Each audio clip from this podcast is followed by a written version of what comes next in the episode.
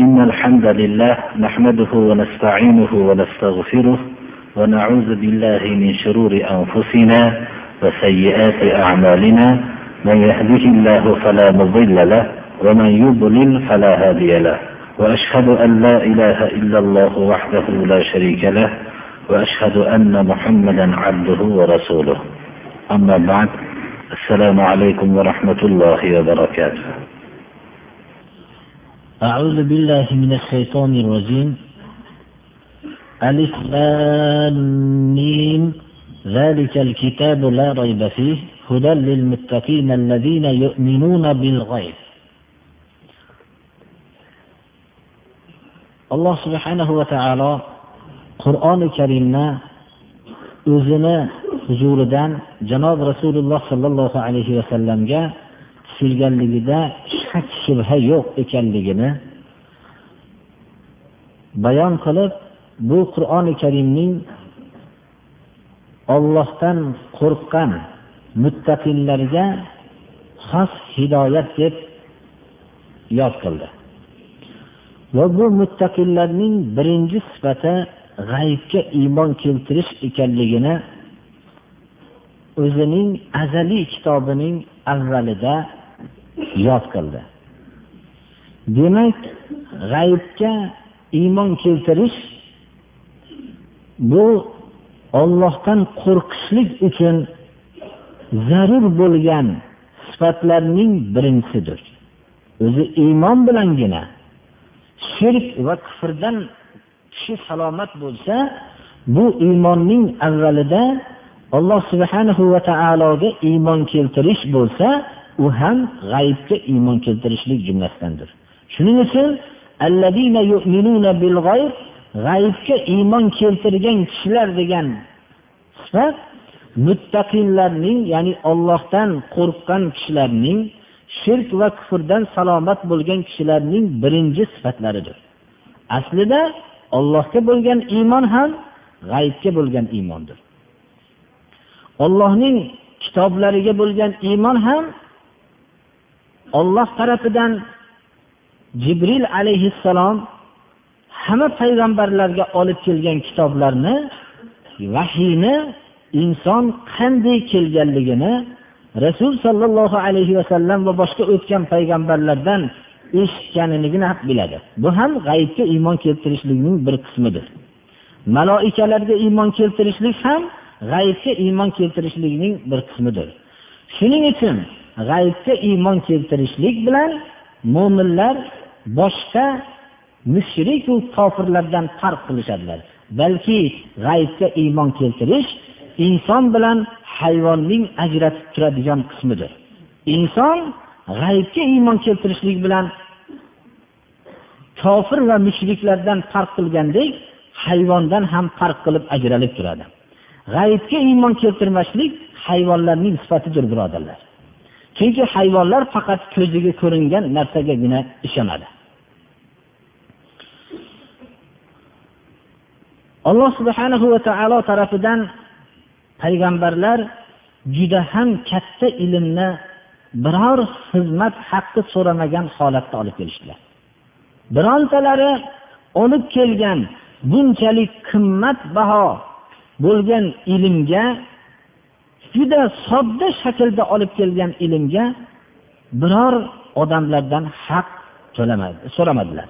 Balki bu haqni bu mukofotni alloh subhana va taolo berishligini e'lon qilib odamlarni xotirjam qilib qo'ydilar.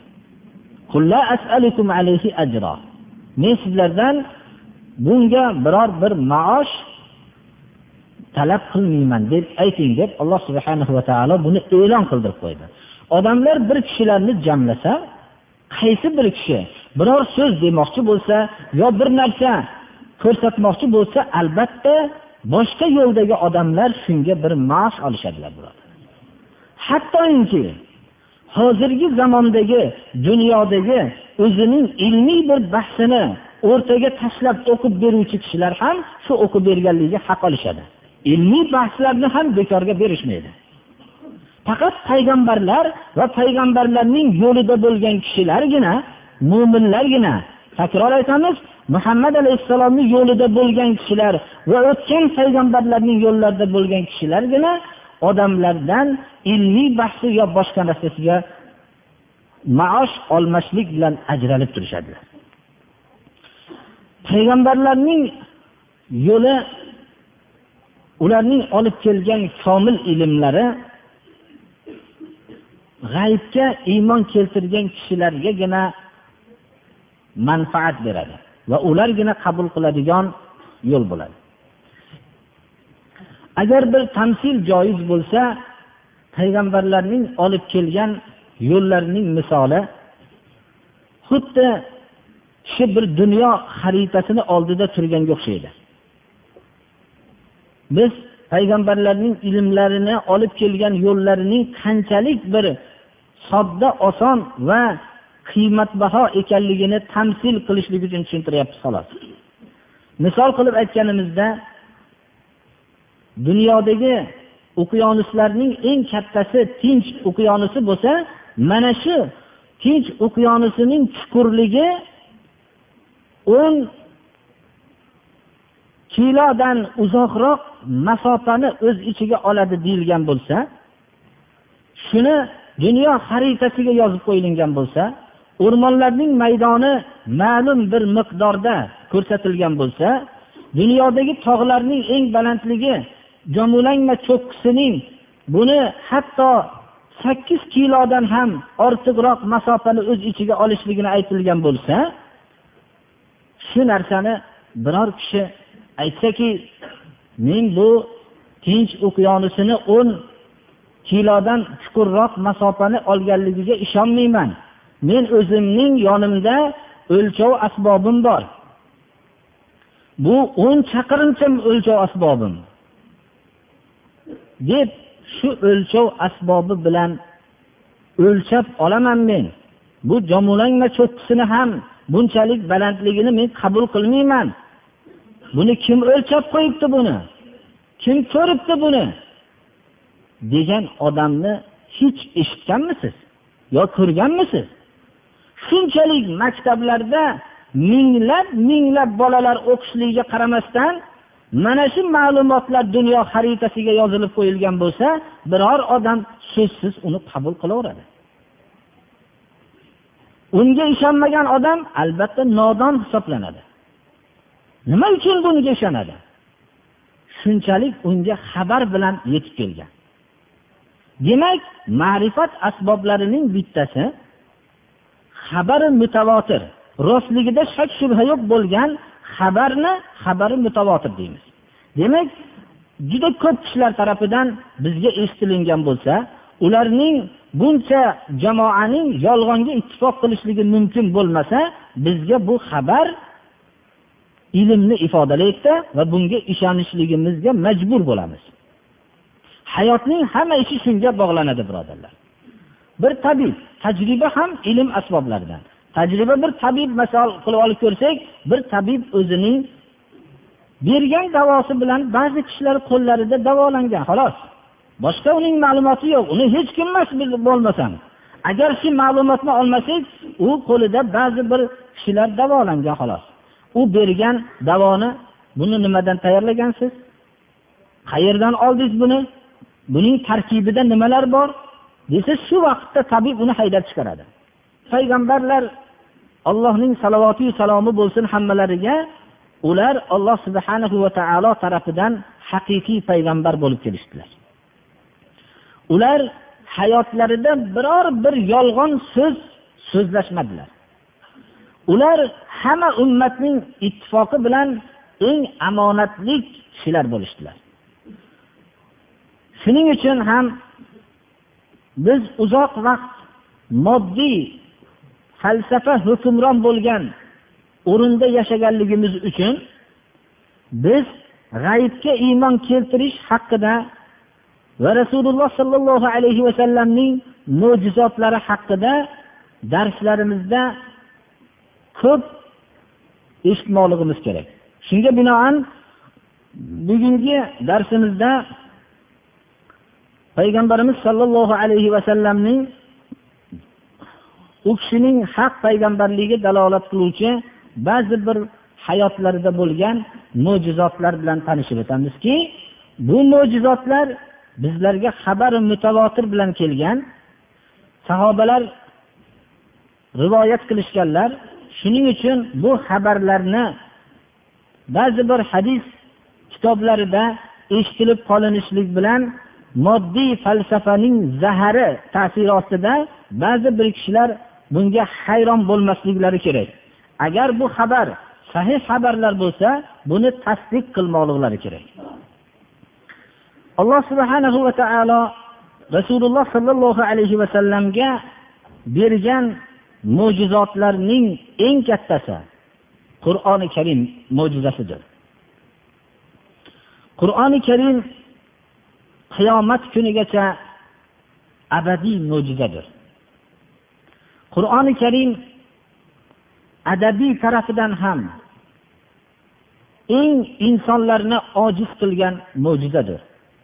Rasululloh sollallohu alayhi vasallamga qur'oni karim nozil bo'lgan vaqtda arablar eng fasohatu balog'atda butun kishilarning ittifoqi bilan zamoni johiliyat ya'ni qur'oni karimdan ilgarigi nozil bo'lishligidan ilgarigi davr va qur'on nozil bo'lgan vaqtdagi yashagan arab xalqlarining tarixda eng fasohatu balog'atda yuqori bosqichga chiqa olgan xalqlar ekanligida ittifoq qilishgan.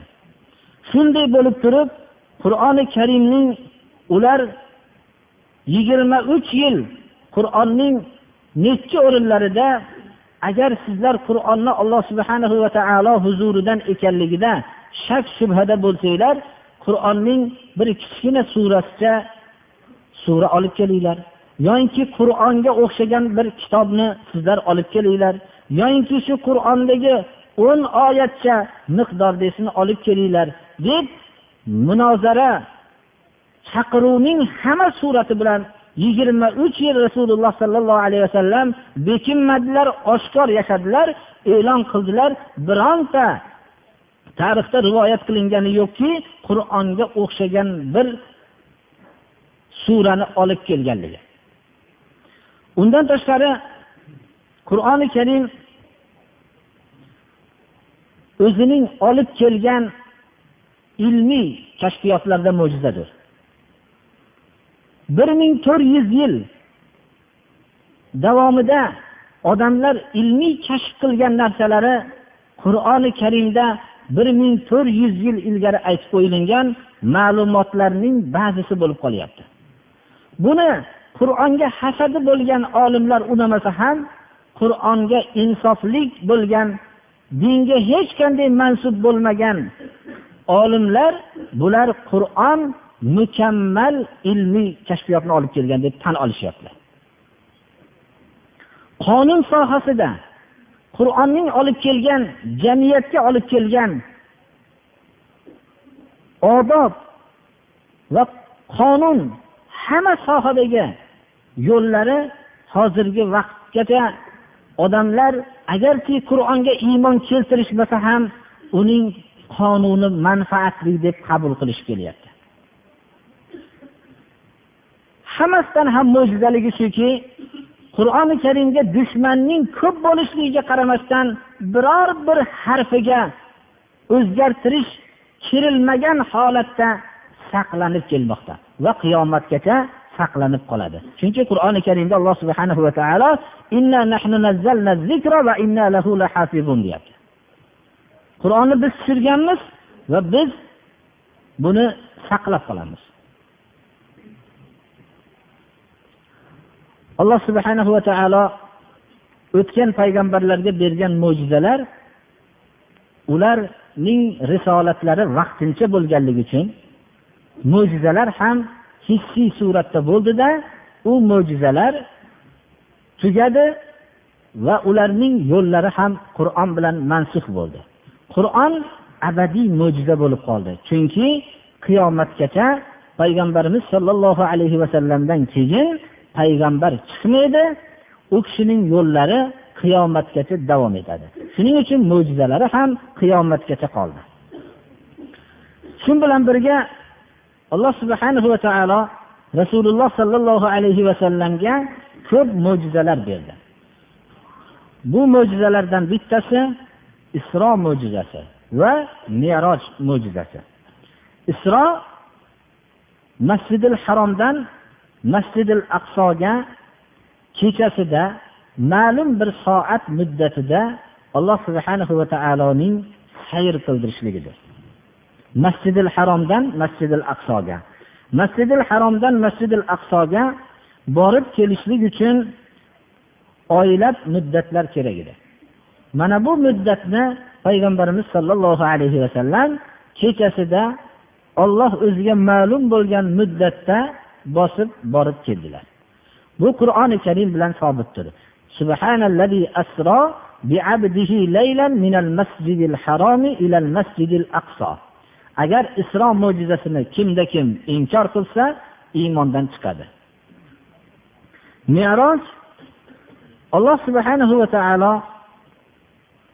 masjidil aqsodan o'zi xohlagan o'ringa olib chiqqanligi.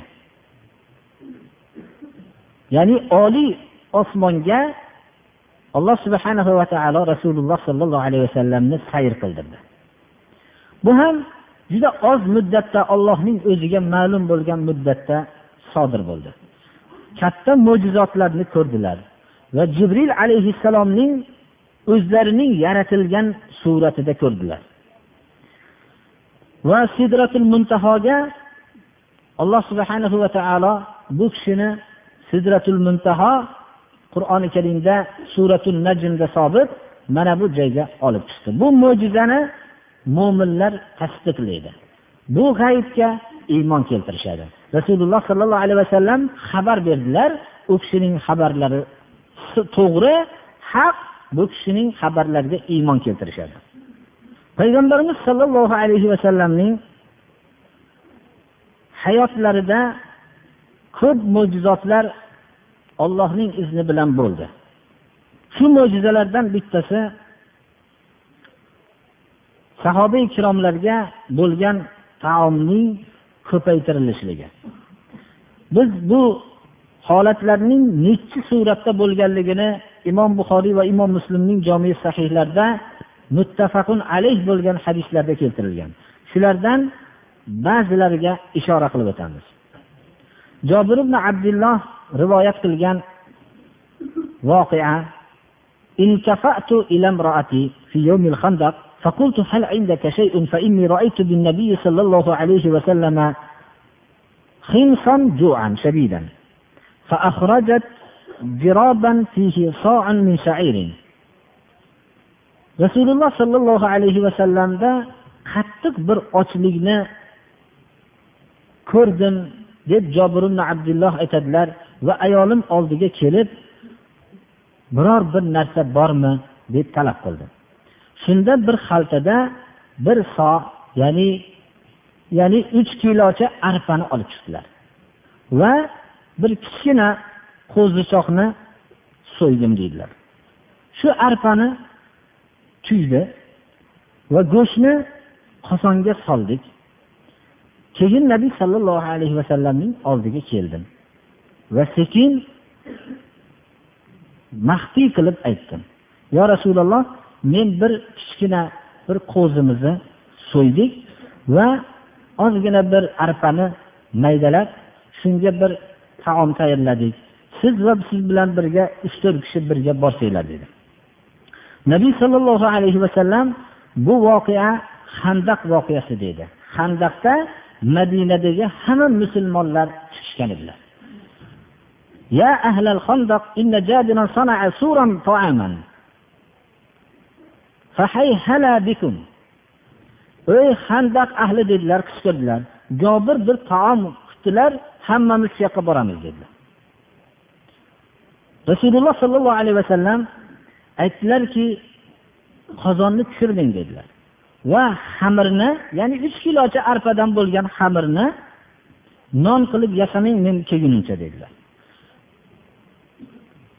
Ayollari payg'ambarimiz sollallohu alayhi vasallamga xamirni olib chiqib berdilar payg'ambarimiz sollallohu alayhi vasallam duo qildilar va tufladilar.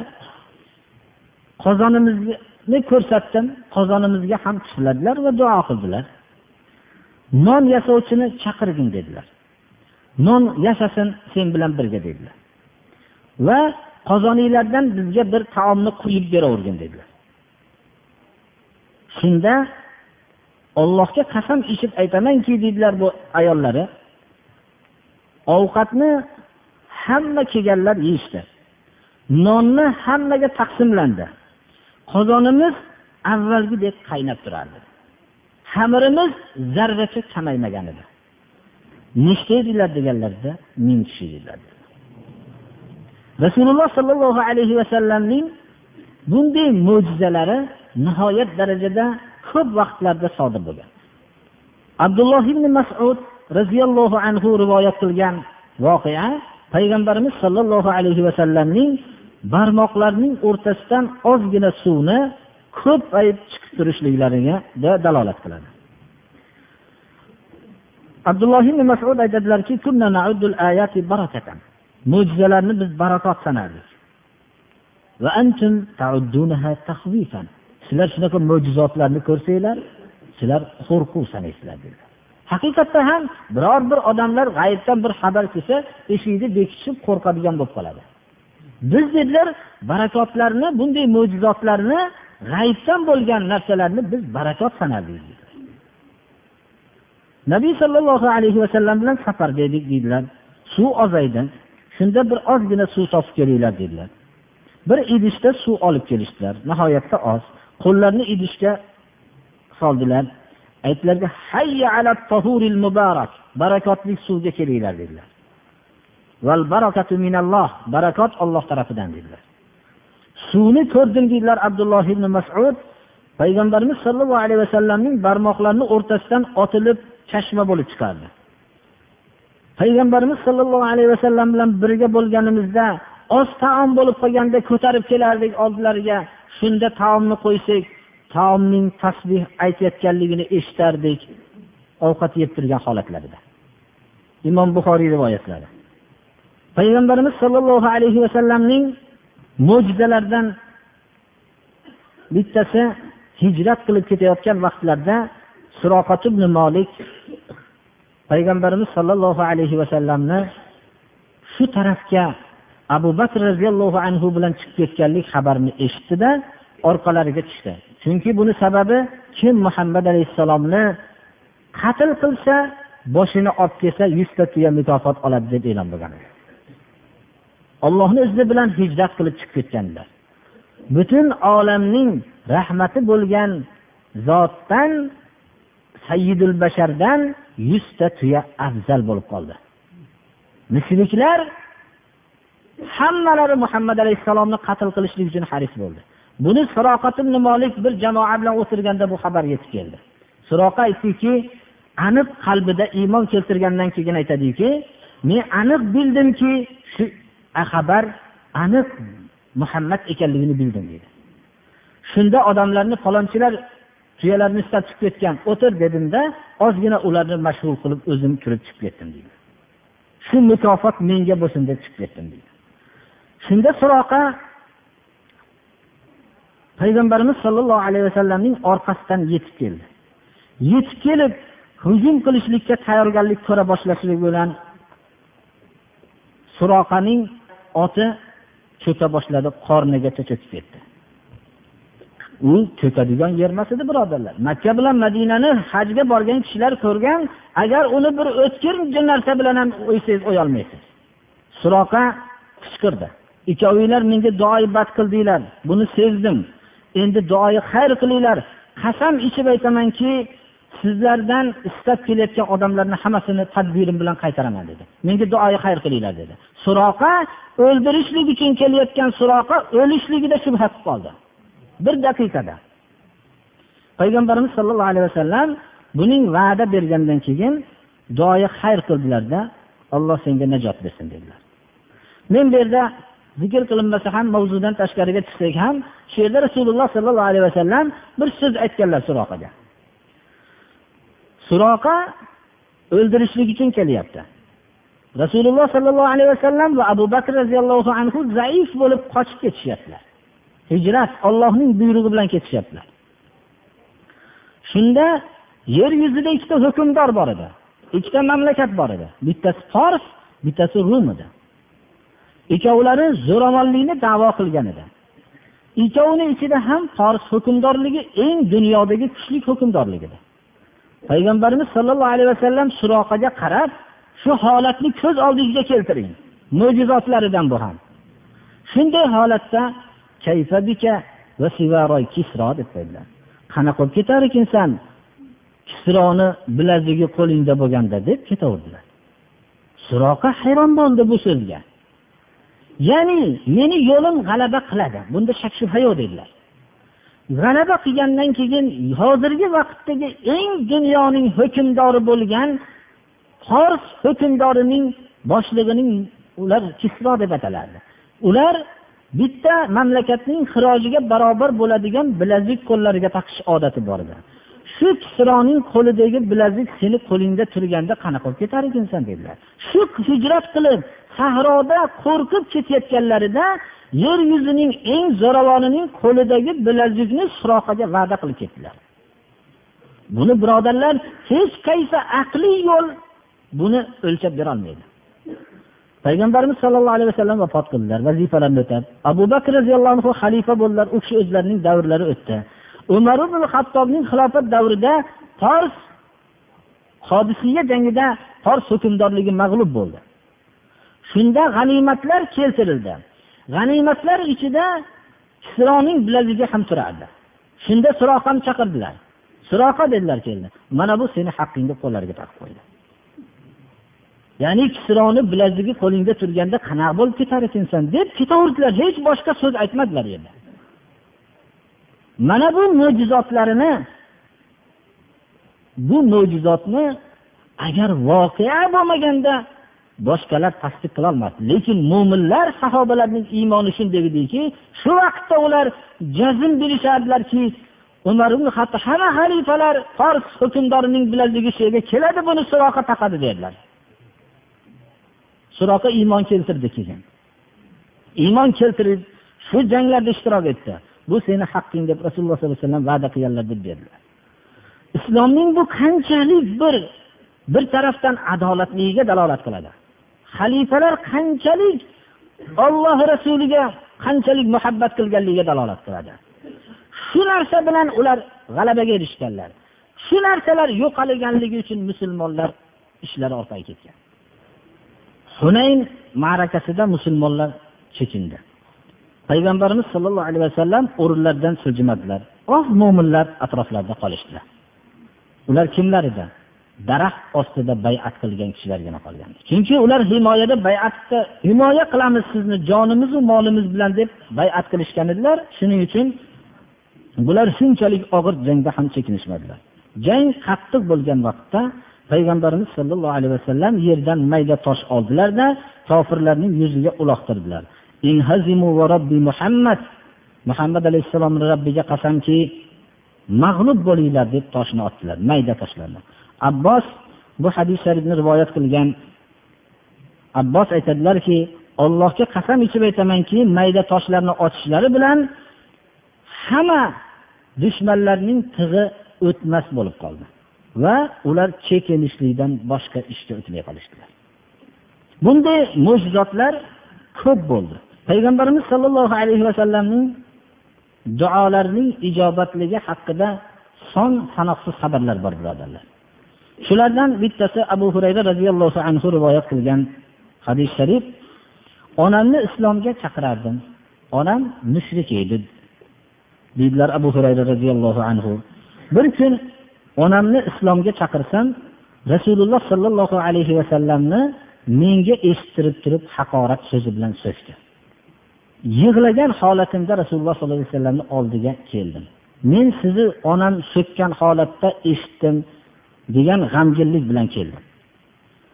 Allohga duo qiling abu hurayrani onasini alloh taolo ya'ni onamni olloh hidoyat qilsin dedi. Duo qildi allohumma umma abi hurayra abu hurayrani onasini hidoyat qilgin deb duo qildi. Bu kishi aytadilarki men nabiy sollallohu alayhi vasallamning duolari ijobat deb xursand bo'lib chiqdim. To'g'ri onam tarafiga qarab yurdim. Eshikni oldiga borganimda onamning tovush qildiki joyingdan jilmagin deb ovoz qildi. Shunda suvning tovushini eshitdim. G'usul qildida onam libosini kiydida kiyinish ham chola bo'lgan holatda chiqib eshikni ochib chiqdida ey abu hurayra deb aytdida ashhadu an la ilaha illalloh va ashhadu anna muhammadan abduhu va rasuluh ya'ni shunchalik duolarning ijobatligi haqida juda ko'p voqealar kelgan. Rasululloh sollallohu alayhi vasallamni oldiga yana yig'lab keldim. Ammo avvalgisi g'amginlikdan edi keyingisi quvonchdan yig'lab keldim dedilar. Jarir ibn abdullah bu kishi rivoyat qiladilarki menga rasululloh sollallohu alayhi vasallam zul xalafa deb aytilgan bir makon bor. Bunda kabatul yamoma deb nomlangan hasan ismli olloh rasuliga ozor bergan odam turardi. Shundan meni rohatlantirmaysanmi jalil dedilar. Men albatta dedim. Lekin men otga minolmasdim quvvatim yo'q edi. Bu narsani nabiy sollallohu alayhi vasallamga aytdim. Shunda qo'llari bilan qo'llarini ko'ksimga qo'ydi hattoki shu qo'llarini ta'sirini qalbimda bildim. Go'yo otda turadigan qilgin va hidoyatlik odamlarni hidoyat qiluvchi va o'zi hidoyatlangan odam qilgin deb duo qildi. Umrim bo'yi bu narsani his qilmadim dedilar. Va rasululloh sollallohu alayhi vasallam tayinlagan vazifani bajarib keldilar. Payg'ambarimiz sollallohu alayhi vasallam davrida qurg'oqchilik bo'ldi. Anas roziyallohu anhu rivoyat qiladilar nabiy sollallohu alayhi vasallam juma kunida xutba qilib turganlarida bir arobiy xutbadan keyin aytdida yo rasululloh bu hamma yo'q halok ketdi. Bola chaqalar och qoldi. Duo qiling bu qurg'oqchilikdan juda qiynaldik dedilar. Qo'llarini shu minbardan tushib kelayotganlarida minbarda turdilarda qo'llarini ko'tardilar. Osmonda birorta bulut yo'q edi. Havo nihoyatda issiq ochiq edi. Qasamyod qilib aytamanki deydilar anas roziyallohu anhu. Minbardan pastga tushmasdan bulut keldiyu. Bu tog'larga o'xshagan bulut paydo bo'lsa minbardan pastga yurishlari bilan yomg'ir hamma yoq yomg'ir bo'lib ketdi. Hatto masjid uncha xurmo daraxtlarining bargi bilan yopilgan edi. Shu tushgan yomg'ir soqollarni ham uyutdi. Hali safga kelmasdan dedilar. Shu kun ertasi xullas shu kunlar juma kunigacha yomg'ir to'xtamadi. Shu arobiy yana minbardan chiqib kelayotganlarida turdi. Yo rasululloh binolar yiqilyapti bu hamma yoq suv bo'lib ketdi. Shunda qo'llarini ko'tardilarda atrofimizga yog'dirgin ustimizga emas dedilar. Namozni o'qib chiqishimiz bilan madina xuddi bir gumbazga o'xshab madinada bulut yo'q atrofda bulut qoldi deydilar duolarning ijobatligi haqida ko'p narsalar rivoyat qilingan birodarlar. Payg'ambarimiz sollallohu alayhi vasallamning oldilarida bir kishi taom yedi chap qo'li bilan. Kul o'ng qo'ling bilan yegin dedilar. La o'ng qo'li bilan yeyolardiyu kibr bilan mutakabbirligi sababli buyurishlik bilan qilishlikdan hiyla qilib o'ng qo'lim bilan yeyolmayman dedi. Bo'lmasam yeyolmagin o'ng qo'ling bilan dedilar. O'ng qo'lini umrini oxirigacha og'ziga olib borolmasdan o'tib ketdi. Payg'ambarimiz sollallohu alayhi vasallamdan jobir ibn abdulloh rivoyat qiladilarki payg'ambarimiz sollallohu alayhi vasallam bilan birga g'azot qiluvdim. Bir suv chiqaradigan tuyani minib olgan edim. U tuya suv chiqargani uchun g'azotga yaramaganligidan charchab qoldi. Menga nabiy sollallohu alayhi vasallam yetib keldilar tuyangga nima bo'ldi dedilar. Men charchadi dedim. Orqada hammani o'tkazib yuborib tuyani zajr qildilar va yurmagandan keyin duo qildilar. Tuya hammani oldiga shu tuyam bilan o'tib ketdim deydilar tuyang qalay dedilar. Juda yaxshi duoyingizni barakoti yetdi dedim. Bo'lmasam tuyangni bir uqiyaga sotasanmi dedilar. Sotdim shu shart bilanki madinaga yetib olganimdan keyin beraman dedilar. Shu miqdorga sotdim ammo madinaga yetib olganimdan keyin berish sharti bilan. Payg'ambarimiz sollallohu alayhi vasallam madina keldilar. Tuyani olib bordim bir uqiya pulni oldim olganimdan keyin endi tuyani ham olib ketaver dedilar. Kasallarni duo qilganlarda shifolanganligi haqidagi mo'jizotlari. Abdulloh ibn atik bu kishi bir jamoa bilan abu rofi bu islomning ashaddiy dushmani abu rofi butun ahzoblarni islomga qo'zg'atib fitnalarni uyushtirgan. Mana bu narsa bu abdulloh ibn atikni shundan qutulishlik uchun jo'natdilar rasululloh sollallohu alayhi vasallam. Abdulloh ibn atik payg'ambarimiz sollallohu alayhi vasallamning vazifalarini juda og'ir sharoitda bajardilar. Va qaytib chiqib kelayotganlarida baland joydan yiqilib oyoqlari sindi. Baylab ashoblar oldiga kelishdilar. Nabiy sollallohu alayhi vasallamni oldiga kelib u kishining vazifalarini bajarganligini aytganimdan keyin oyog'imni ko'rdilarda oyog'ingni uzat dedilar. Oyog'imni uzatdim silab qo'ydilar oyog'im hozirgi vaqtgacha og'rigani yo'q dedilar. Payg'ambarimiz sollallohu alayhi vasallam haybarni fath qilganlarida men bayroqni ertaga bir kishiga beramanki alloh rasuli yaxshi ko'radigan odamga dedilar. Biror bir kishi sahobalar aytishadilarki amir bo'lishlikni orzu qilmaganmiz hayotimizda shu kuni orzu qildik. Chunki alloh rasuli yaxshi ko'radigan odamga beraman deyishlari bilan hammalari ertaga men amir bo'lsam deb orzu qilishgan ekanlar. Shunda ali ibn abi tolibni chaqirdilar. Hammalari ro'baro'larda turdilarki bayroqni bersalar. Alloh rasuli bizni yaxshi ko'radigan odam bo'lsak dedilar. Shunda ali ibn abi tolib qani dedilar. U kishi ko'zi og'riyapti dedi. Chaqiringlar dedilar. Olib kelishdilar. Ko'zlariga tuflab qo'ydilar. Ko'zlari og'rimagandek bo'lib qoldi. Bunday barakotlari ko'p bo'lgan. Shulardan yana bittasi bilan kifoyalanamiz. Bir quduq oldidan o'tdik deydilar payg'ambarimiz sollallohu alayhi vasallam bilan birga edik. Bir ayol jin tekkan aqldan ozib qolgan bir bolasini ko'tarib olib keldi. Payg'ambarimiz sollallohu alayhi vasallam minhar dimog'idan ushladilarda chiq men ollohning rasuli muhammadman deb sallallohu alayhi vasallam shunday dedilar. Keyin ketdik qaytib o'tishda ham shu yerdan o'tdik. Shunda boladan bola haqida ayoldan so'radilar. Bola qalay dedilar sizni haq bilan jo'natgan zotga qasam ichib aytamanki bunda siz shu duo qilganingizdan keyin biror narsani alomati qolmadi dedilar. Payg'ambarimiz sollallohu alayhi vasallamning g'ayb haqida bergan xabarlari alloh subhana va taoloning ismlari sifatlari fe'llari va maloikalarni borligi haqida berganlari maloikalarning sifatlari va jin olamidan xabar berganliklari jannat va jahannamdan xabar berganliklari mana bu narsalar o'tgan payg'ambarlarning tarixlarini mufassal suratda xabar berganliklari. Odam nuh hud solih ibrohim muso iso va boshqa payg'ambarlar haqida bergan xabarlari bu g'ayb xabarlarga kiradi birodarlar. Qur'oni karimda alloh taolo bu xabarlarni bildirganligini minnat qilib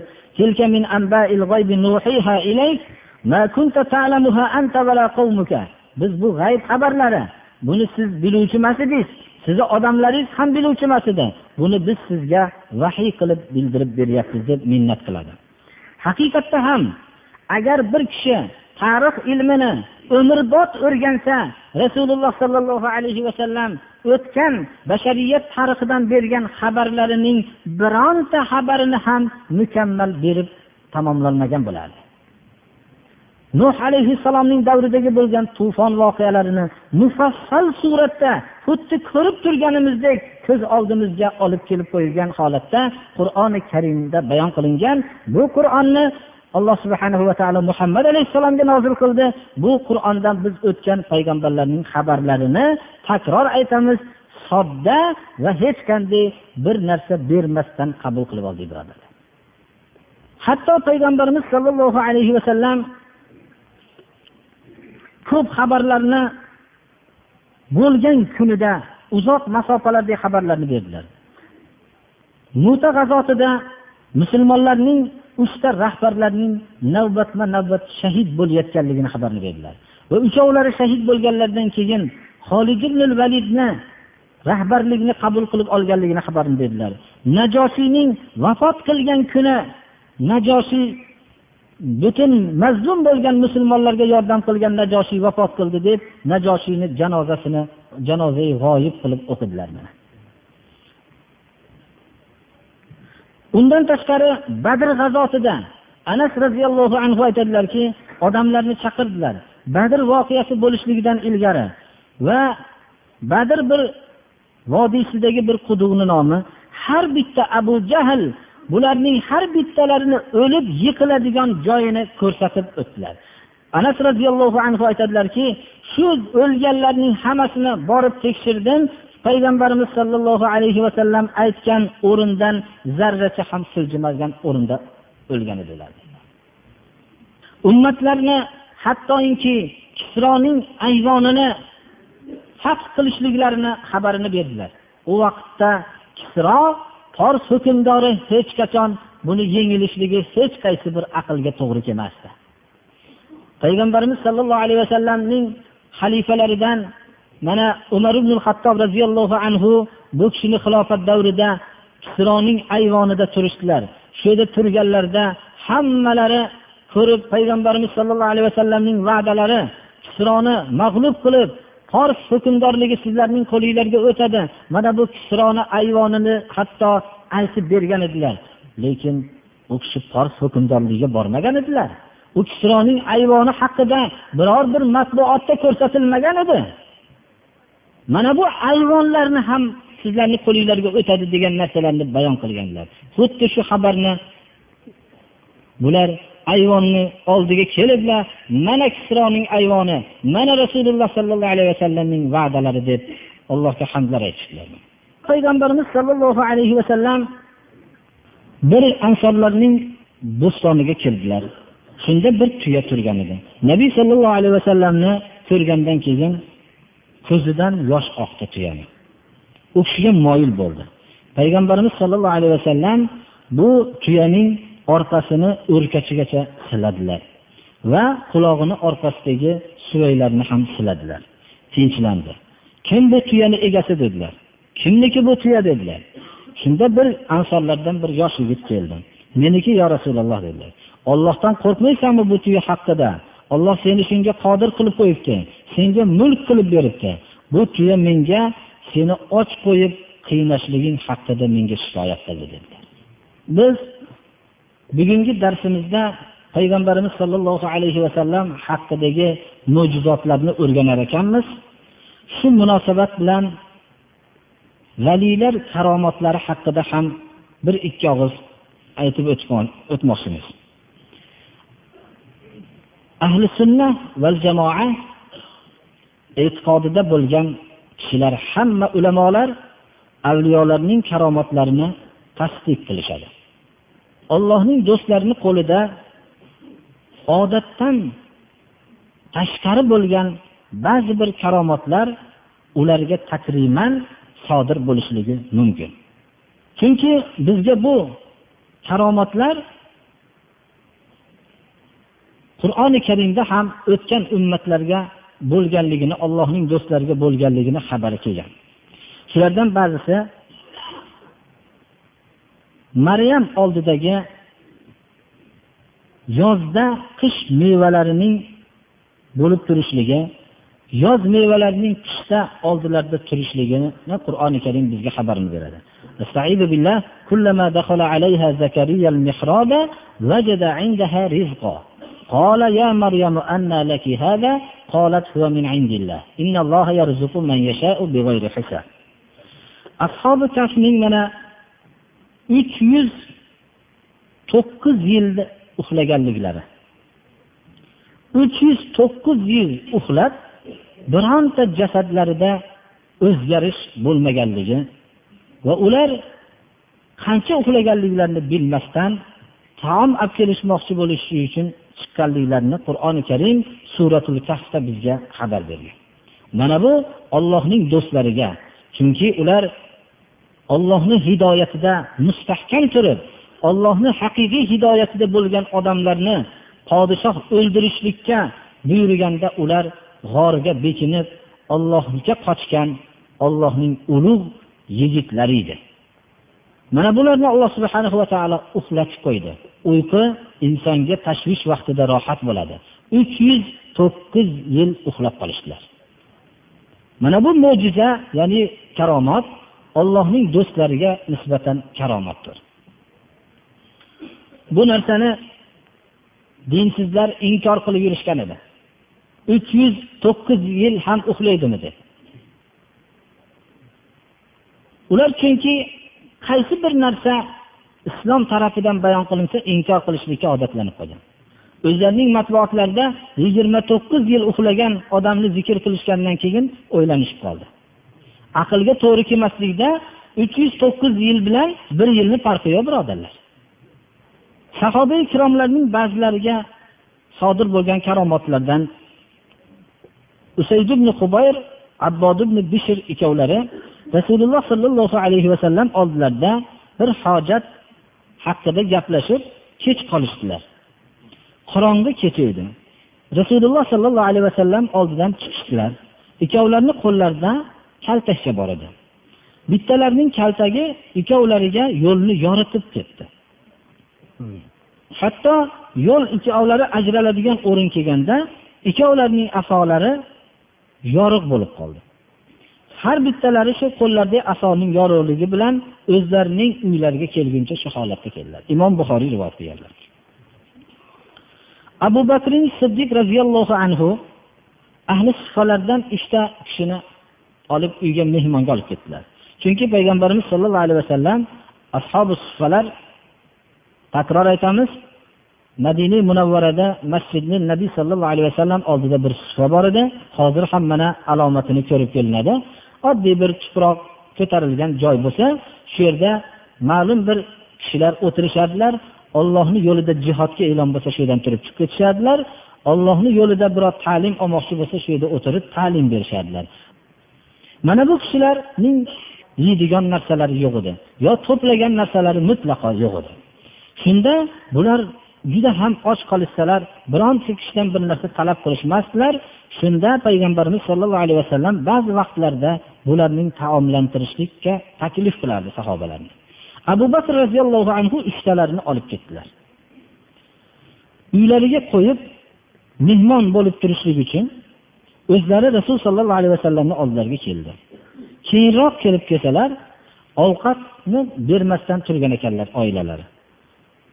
Mehmonlar uzoq o'tirishdi nima uchun kech keldingiz? deb oilalari aytganlarida hali ham yedirmadingmi bularni? dedilar.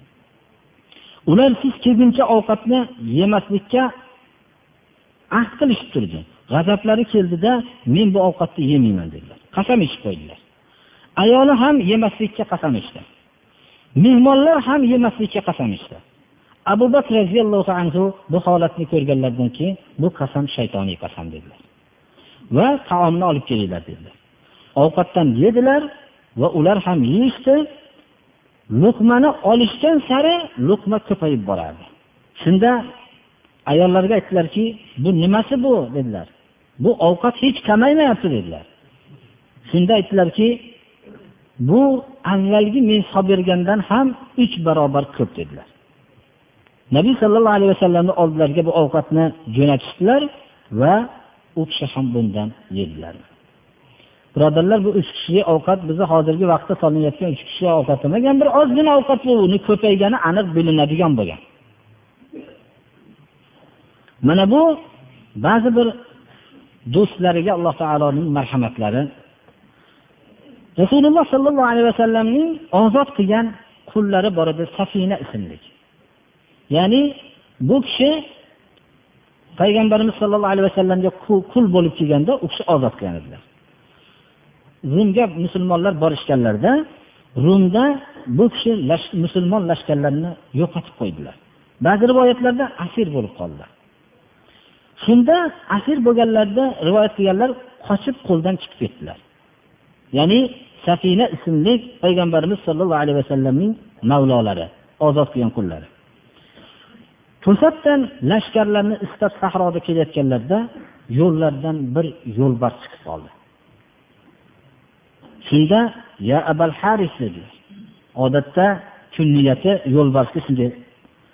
Men rasululloh sollallohu alayhi vasallamning ozod qilgan qullari mana men shunday shunday shunday bo'ldim deb voqeani gapirdilar. Yo'lbars dumini lipillatib yonlariga keldi. Hatto yonlarida turdi.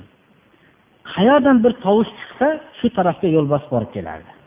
Bu kishi safina mavlolari qayerga kelsa birga keldi. Lashkarni qo'qqisdan yo'lda bir tarafdan bir hadik tovushi eshitilsa yo'lbars shu tarafga borib himoyaga borib kelardi. Lashkar oldiga kelguncha yo'lbars birga bo'ldida lashkarga yetib kelishlaridan tashlab ketdi. Mana bu ba'zi bir sahobalarga bo'lgan karomatlardan. Umar ibn hattob roziyallohu anhu mana hammamizga ma'lum bu kishi lashkar jo'natgan edilar. Lashkar boshlig'i soriy edilar. Dushman bular tog'ni pastida o'tirishgan vaqtlarida dushman ularni g'aflatda qo'yib tog'ni tepasiga chiqib kelayotgan vaqtda juma xutbasida madina bilan soriya turgan o'rin bir oylik masofa edi. Juma xutbasida xutbani o'qib turgan vaqtlarida to'satdan umar ibn hattob ya soriyatul jabal dedilar. Ey soriya toqqa qara dedilarda gaplarida davom etib ketaverdilar shunda soriya kelganlaridan keyin voqealarni so'rashganda ashoblar biz beparvo g'aflatda o'tirgan edik bir tovush eshitildiki ey soriya toqqa hushyor bo'ling deganlar tog'ni tepasiga chiqsak dushman chiqib kelayotgan ekan hammasini mag'lubiyatga uchratdik dedi. Mana bu sahobalarning ba'zilarida bo'lgan karomatlardan ummu ayman payg'ambarimiz sollallohu alayhi vasallamning xozinalari ayollarda ulug'larda ham karomat bo'lganmi degan savolga javob berishlik uchun bitta keltiramiz. Hijrat qilib chiqqan edilar. Makkadan madinaga umma ayman hijrat qilib chiqqandilar yonlarida hech qanday ozuqa suv yo'q edi.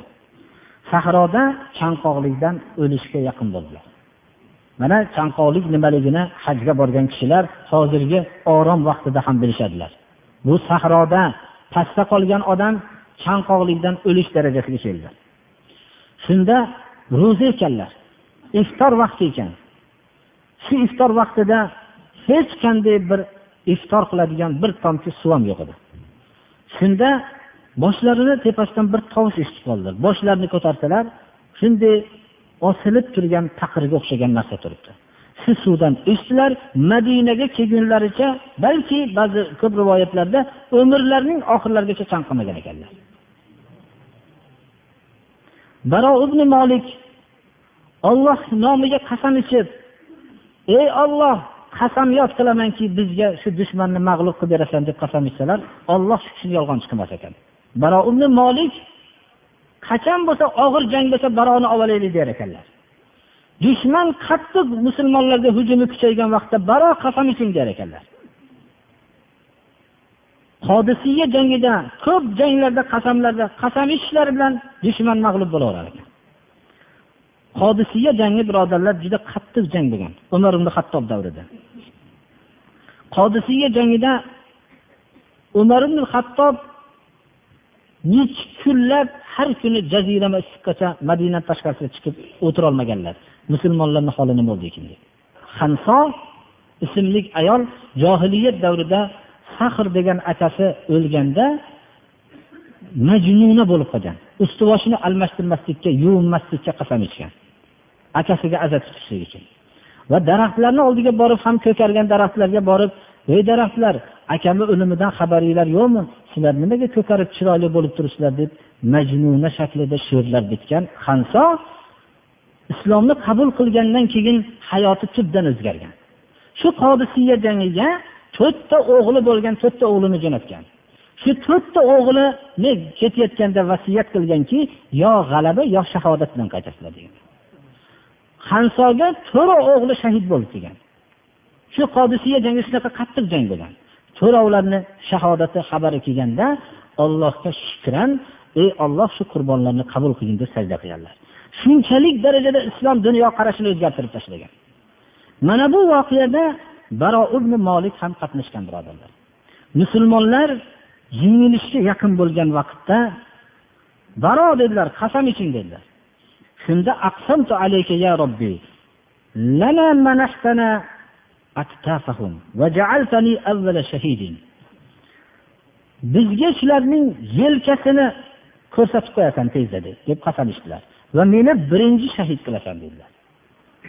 Bular hamma shu soatdan qodisiyadagi forslar hammasi yelkasini ko'rsatdida hammasi chekina boshladi shu qasamdan keyin. Va birinchi shahid bo'lgan baro ibn molik bo'lgan.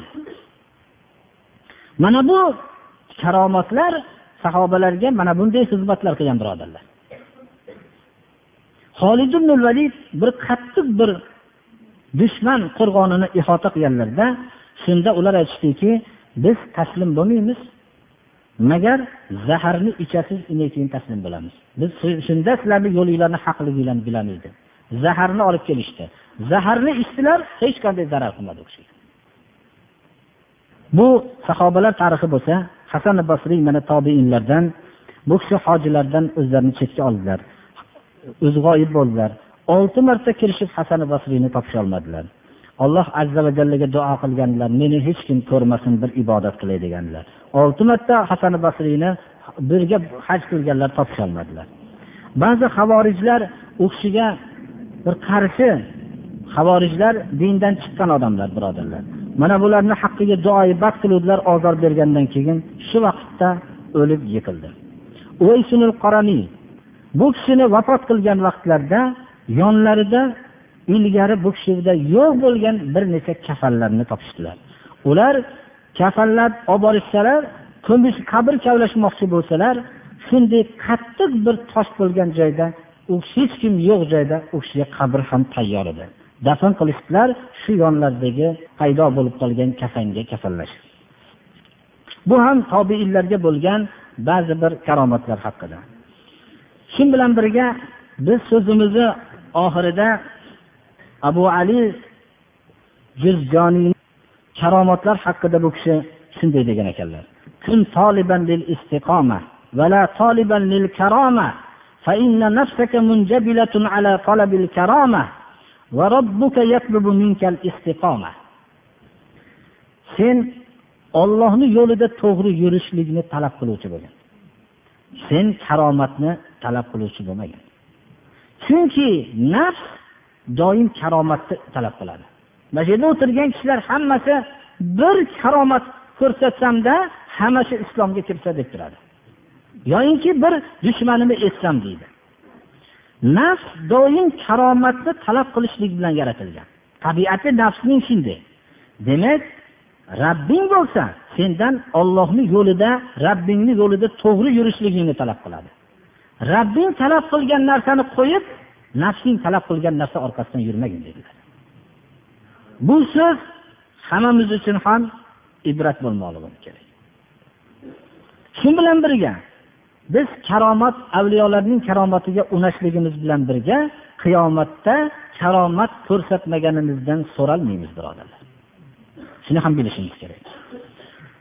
Lekin ko'p odamlar hozirgi vaqtlarda karomat deb odatdan tashqari sodir bo'lgan ishlarning orqasidan ketib dindan chiqqan odamlarni ham hurmatlab yurishadilar.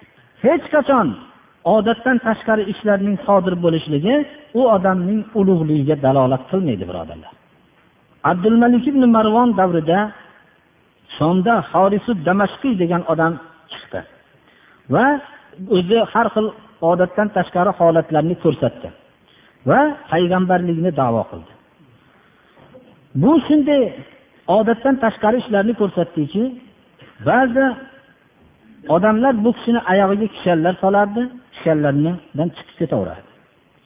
Shamshirlar bilan urishardi bu ta'sir qilmasdi. Odamlarga havoda otda uchib yurgan odamlarni ko'rsatardi. Bular maloikalar deb qo'yardi.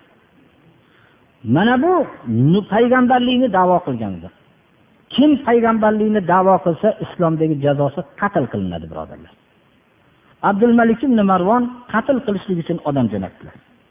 Shunda qatl qilishlik uchun shamshirni urishganda ham u shamshir ta'siri bo'lmadi birodarlar. Agar shunaqa odam chiqib qolsa hozir odamlar hammasi orqasidan ketadi. Abdulmalik ibn marvon aytdilarki ollohni ismini aytib uringlar dedilar. Ollohni ismini aytib urishi bilan o'ldi. Dajjol ham birodarlar odatdan tashqari ishlarni ko'rsatib odamlarni adashtiradi. Shuni yaxshi bilib qo'yishimiz kerak. Demak odatdan tashqari ishlarni biz shaytoniy yo shaytoniy emasligini bilmoqligimiz kerak. Qanday bilamiz? Agar tavhid asosidagi islomga muvofiq hayot bilan takror aytamiz tavhid asosida bo'lgan solih kishidan sodir bo'lgan ishnigina biz karomat deymiz. Bo'lmasam biz uni shaytoniy holatlar deymiz. Biz bu bugungi darsimiz bilan shuni takror aytamizki ahli sunnat va jamoat e'tiqodotidagi kishilar valiylarning karomatlarini isbot qilishadi. Qur'oni karimdagi bayon qilingan karomatlarni sahih deb e'tiqod qilishadi va sahobalar tarafidan xabari mutavotir bilan kelgan karomatlarni sahih deb e'tiqod qilishadi. Tobiinlardan kelgan karomatlarni sahih deb e'tiqod qilishadi va solih tavhid ahli tavhiddan sodir bo'lgan ishlarni ham alloh subhanahu va taolo bularga takriman hurmatan shunday odatdan tashqari karomatlarni muyassar qilib berishligi mumkin. Deb e'tiqod qilishadi. Ammo ular solih bo'lmagan odamlardan sodir bo'lgan ishlarni shaytoniy holatlar deb bilishadilar. Shuning uchun biz yana darsimizni avvaliga shuni qaytmoqchimizki ashoblar haqida bu rivoyat qilingan bularning g'ayiblarga bo'lgan iymonlari haqida muttaqillarning birinchi sifati g'ayibga iymon keltirishlik ekanligini esimizdan chiqarmasligimiz kerak. Chunki moddiy falsafa zahari ostida ko'p odamlar g'aybga iymon keltirishlikdan ular aqllariga to'g'ri keltirishlikka muvofiq bo'lishligiga harakat qiladigan odamga aylanib qolishganlar. Shuning uchun biz rasululloh sollallohu alayhi vasallamdan sahih xabar sobit bo'lgan bo'lsa g'aybga xabarlarga iymon keltiradigan ahli sunnat va jamoat e'tiqodidagi kishilarmiz deb bilmoqligimiz kerak. G'usul qilishlikda har bir a'zoga suv yetishligi shart. Buni bilamiz. Endi ayol kishi suvni sochini ostiga yetkazishligi shartmi? Yo'qmi? degan savol qildilar. Uzrli holatdan keyin pok bo'lgandan keyin ayollar sochlarini yozishlari kerak bo'ladi. Ammo g'usul vojib bo'ladigan soatdan keyin g'usul qilsa sochini tagiga suv yetishligi albatta shart lekin o'rilgan qismiga suv tegmasa ham bo'laveradi. Asli sharga sochning asliga suv tegishligi albatta shartdir. Asli shar deb boshiga tegib turgan qismlarni hammasini soch deyiladi. O'rilgan sochlarni bunga hammasiga suv tegishligi shart emas bu yerda bir odamlar taloq masalasidan savol qilyapti. Masalan taloq lafzini aytmasayu senga javob desa shu bilan ham taloq bo'ladimi? Desa shuni aytamizki senga javob deb aytgan odam nima maqsad bilan aytding deb so'raladi. Taloq maqsad qildim desa taloq bo'ladi. Taloq maqsad qilmadim desa taloq bo'lmaydi. Hech narsani maqsad qilmadim desa ham taloq bo'lmaydi. Bir siyosat uchun aytib qo'ydim desa. Bir savollar berilibdi birodarlar. O'lim o'qiyotganlarga juma namozi farzmi yoki farz emasmi debdi. Bu savolning javobini aytganmiz. Dorul islomda allomalarga ham omilarga ham juma namozi farz birodarlar. Bu umuman dorul islom bo'lmagan joyda juma namozini farzligida ixtilof bor. Bu juma namozi asli ilmli odamga farz emasdan boshqa albatta shu odamlarga farz bo'ladi. Lekin biz masalan juma namozini farzligi farz emasligi haqida dorul islom dorul kufr haqidagi masala dorul islomda hammaga farz bo'ladi. Dorul islom bo'lmagan joyda hammaga farz bo'lmaydi. Buni tushunishimiz kerak. Lekin juma namozini o'qilishligi bilan farz ado topadi. Sayyoralarda ketayotganda qiblani ajratsa bo'ladimi ajratishimiz shartmi degan savollar bo'lyapti. Qiblani mana hozirgi jihozlar bor qiblani ajratishlik shart bo'ladi birodarlar bu nevaraga zakot bersa bo'ladimi? Deyapti. Nevaraga zakot bersa bo'lmaydi. Kelinga zakot bersa bo'ladimi degan savolga kelinga zakot bersa bo'ladi o'g'li vafot qilib ketgan bo'lsa. Keliniga nafaqa berishlik vojib emas. Nevaralarga nafaqa berishlik vojiblardan hisoblanadi. Nafaqa vojib bo'lgan kishilarga zakot bermaydi. Bir kichkina savollar bo'lyapti birodarlar biz mana shunaqa savollar berilmasin. Sunnatga amal qilsak qarshilik bo'lyapti deydi. Endi sunnatga amal qilishlik bo'lsa qarshilik bo'ladida boshqa gap bo'lmaydi birodarlar. Payg'ambarlarga payg'ambarlarni hammalari shu shu yo'l o'zlarini yo'llariga chaqirganligi uchun qarshilik ko'payganda. Bo'lmasam ja ular katta odamlar edi u hurmatli odamlardi. Qarshilik bilan ishlamaydi. Oldin sunnatmi sunnat emasligini bilib oling. Sunnat ekanmi? Siz birov qarshilik qilayotganligini ham sezmaydigan darajada amal qilib yuravering.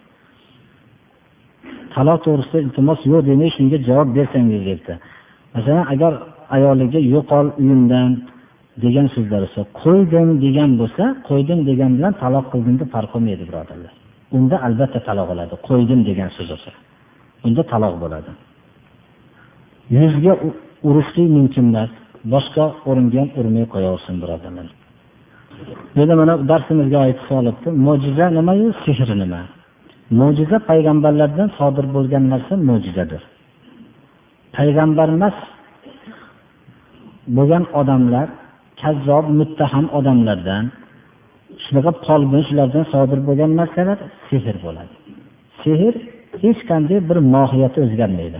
Masalan bitta kaltakchani ilon qilinsa u kaltakcha o'zi kaltakcha sizga u ilon bo'lib ko'rinyapti xolos. Keladi qur'onda. Hayollanadi shunday bo'lib ammo mo'jiza mohiyati o'zgaradi. U kaltak ilonga aylanadi. U ilon u kaltak emas. Keyin ilonlikdan qaytib kaltak bo'ladi. Mohiyat o'zgaradi birodarlar. Va valiylardan sodir bo'lgan narsa ollohni do'stlaridan sodir bo'lgan narsa karomat bo'ladi bu kofir bunaqalardan sodir bo'lgan narsa hozirgi zamon istilohlari bor o'zinglar bilasizlar sehr arab tilida istidroj deydi. U ham bir noumid qilmasin bu ham bir hayotda bir nima bo'lsin deb alloh taolo ba'zi kofirlarga ham ba'zi imkoniyatlar beradi. Shu u istidroj deyiladi sehr ham shuni jumlasidan bu. Dedi albatta jinlar ham alloh subhanahu va taoloning mukallaf bandalari ularni musulmon kofirlari bor musulmonlar alloh taolo o'zi ularni jannatga dohil qiladi kofirlari azoblanadi yana bir kishi oddiy bo'lsa ham endi savolimizga javob bersangiz debdilar hop mayli. Oldin tushgan har xil suratlar bo'lsa nima qilish kerak yoki yoqib yuborsa ham bo'laveradimi? Deb shuni savol qildilar. Birinchi o'zidan keyin shuni shirkka ehtimoli bo'ladigan bo'lsa yoqib yuborsin. Bo'lmasam uni ehtiyot qilib masalan o'zi bir osib qo'ymaydigan bo'lsa tursa bo'laveradi. Lekin uni yoqib yuborishlik bilan undan qo'rqmasin. Qur'oni karimni yaramaydigan bo'lib qolsa ham yoqib yuborsa bo'laveradi. Masalan yaramaydigan bo'lib qoladigan holatlar bor uni boshqa yerlarda xorlanib qolishidan yoqib yuborsa bo'laveradi. Ho'p qilaylik ko'plari onamiz betob dedilar dadamiz ham betob deganlar ham bor ekan. Alloh subhanahu va taolo hamma ahli islom bemorlarga alloh shifo bersin. Alloh subhanahu va taolo ilm talab qilayotganlarga ilm bersin. Alloh subhanahu va taolo qarzdorlarga alloh taolo najot bersin. Alloh subhanahu va taolo hammamizni ham haq yo'lda barqaror qilsin. Darsimizni davomli qilsin islom hukmlariga amal qiladigan kishilardan qilsin. Sunnatlarga amal qiladigan kishilardan qilsin. Bid'atlardan saqlanadigan kishilardan qilsin.